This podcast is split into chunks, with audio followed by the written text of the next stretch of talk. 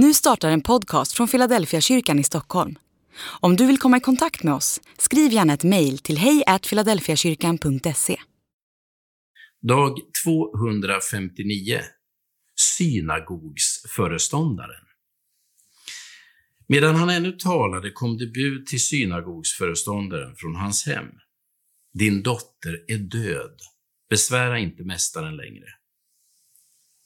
Jesus hörde det och sa till honom, var inte rädd, tro bara så ska hon bli hjälpt. När han kom fram till huset lät han ingen följa med in utom Petrus och Johannes och Jakob och flickans far och mor.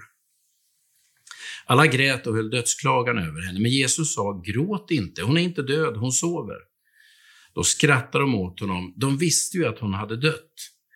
Men han tog flickans hand och sa högt, flicka, stig upp.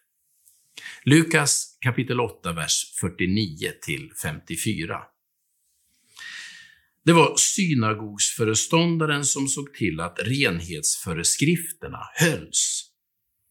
Det var Jairus man frågade om råd om man var osäker. Han var utbildad för att undervisa folket om hur de skulle leva för att vara rena.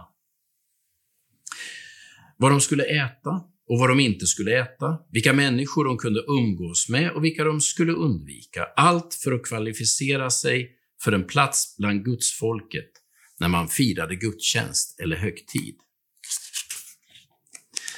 Det är verkligen Guds hand som gör att det är Jairus som följer med Jesus när han bryter ett av alla de tabun som han själv ägnat sitt liv åt att lära ut. Man ska inte ta in död, bara de anhöriga får göra det och då blir de också orena. Genom sina handlingar flyttar Jesus de gränser som har delat upp människor i rena och orena.